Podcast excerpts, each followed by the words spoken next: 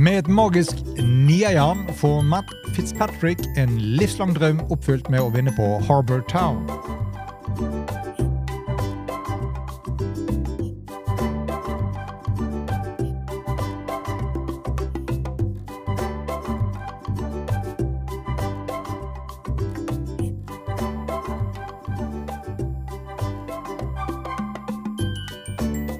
Hei og velkommen til en ny utgave av Golf Plug, presentert av Turtøy Golf. Bjørn Hage heter jeg. Vi skal se på helgens resultater fra RBC Heritage på Harbour Town. Hvor Matt Fitzpatrick til slutt slo tittelforsvarer Jordan Speed etter et trehulls omspill.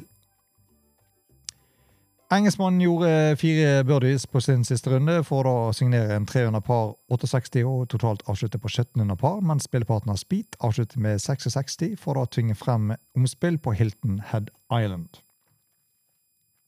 Etter at begge spillerne hadde laget par på de første to playoff-hullene, satte Fitzpatrick opp seieren ved nesten å hulle ut fra fairway etter et niejern på det 18. for en tap-in birdie til to fot, mens Speed ikke klarte da å sette sin birdieputt. Seieren er Fitzpatricks første siden hans minneverdige Major Championship-suksess i fjorårets US Open, hans niende i verden, og løfter ham til en karrierehøy åttendeplass på den offisielle verdensrankingen i golf. Vi husker jo alle nieren hans fra feriebunkeren under US Open-suksessen hans i fjor, hvor han har kurvet dette nierne rundt treet opp til grinen og to putter for par for å hente den seieren hjem. Eh, som barn var Fitzpatrick med familien og ferierte på Habertan, og han var glad for å lande en tittel og bli den første engelskmannen til å vinne turneringen siden Nick Fald gjorde det tilbake i 1984. I forkant av forrige ukes Masters-turnering så sa Fitzpatrick at han var i en gjenoppbyggingsfase etter en skadeplaget start på sesongen, med, men en topp ti på Augusta National antydet at en retur til bedre form kunne ligge i kortene.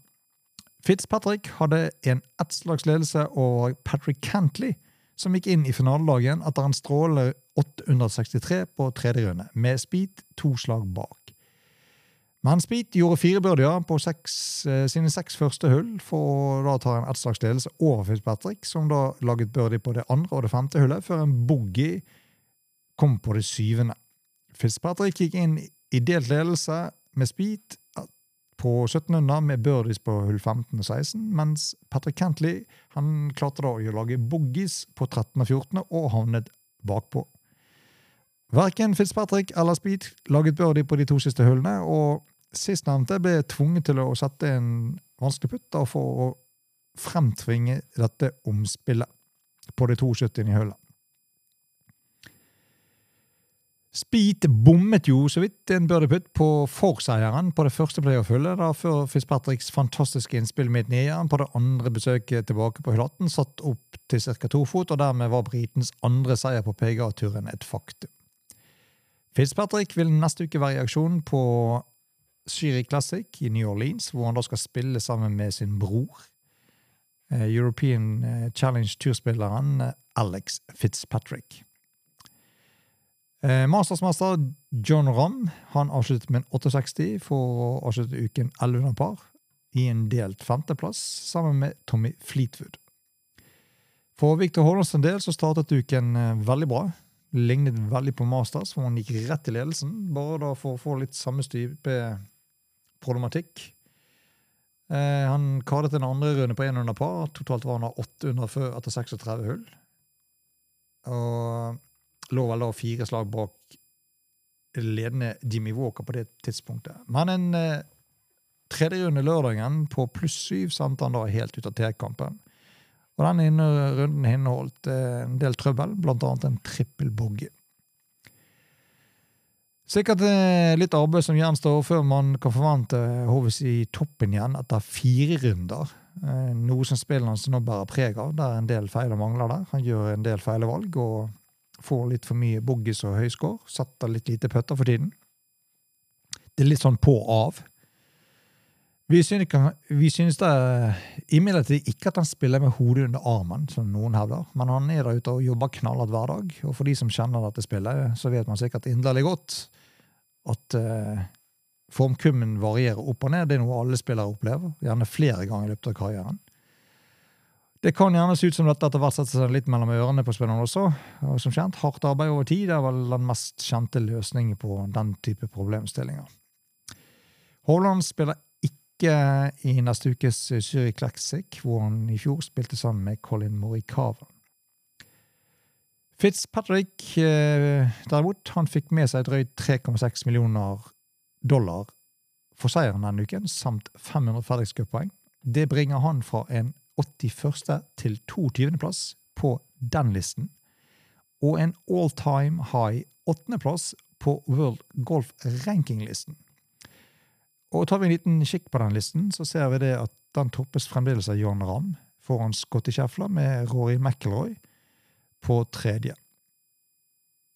Uh, lenger ned så finner vi da Patrick Cantley på fjerde, Sander Schofle, deretter eneste livsspilleren på topp ti, Cameron Smith, Max Homa, Fitzpatrick, John Speed på niende, før listen da ender topp ti med Will Salatoris, som har nylig annonsert at han er ute for resten av sesongen, så blir trolig ikke værende der spesielt lenge.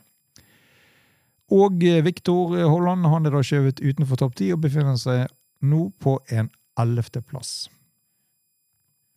En liten titt opp i Bergen til ukens vinner, det rekker vi òg, for der finner vi litt uvanlige greier. Han spiller en ball som ikke er uvanlig, det er en Titleist Pro VNX. Driveren hans er en Titleist TSI 3 i ni grader.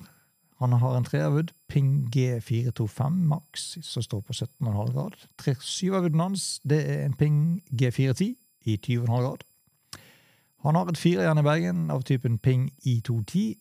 Og så, litt merkelig, spiller han eh, jern fra 5 til pitching match i Ping S 55. Eh, Wedgen hans det Titleist Wookie SM9 i 52-56. Han har en Titleist Wookie Wedgeworks i 60 grader. Putter han bruker, det en Bettinardi-prototype. Og som du ser, det behøver ikke være av den nyeste sorten for å bli best. Bare se hva Fitzpatrick har i bagen.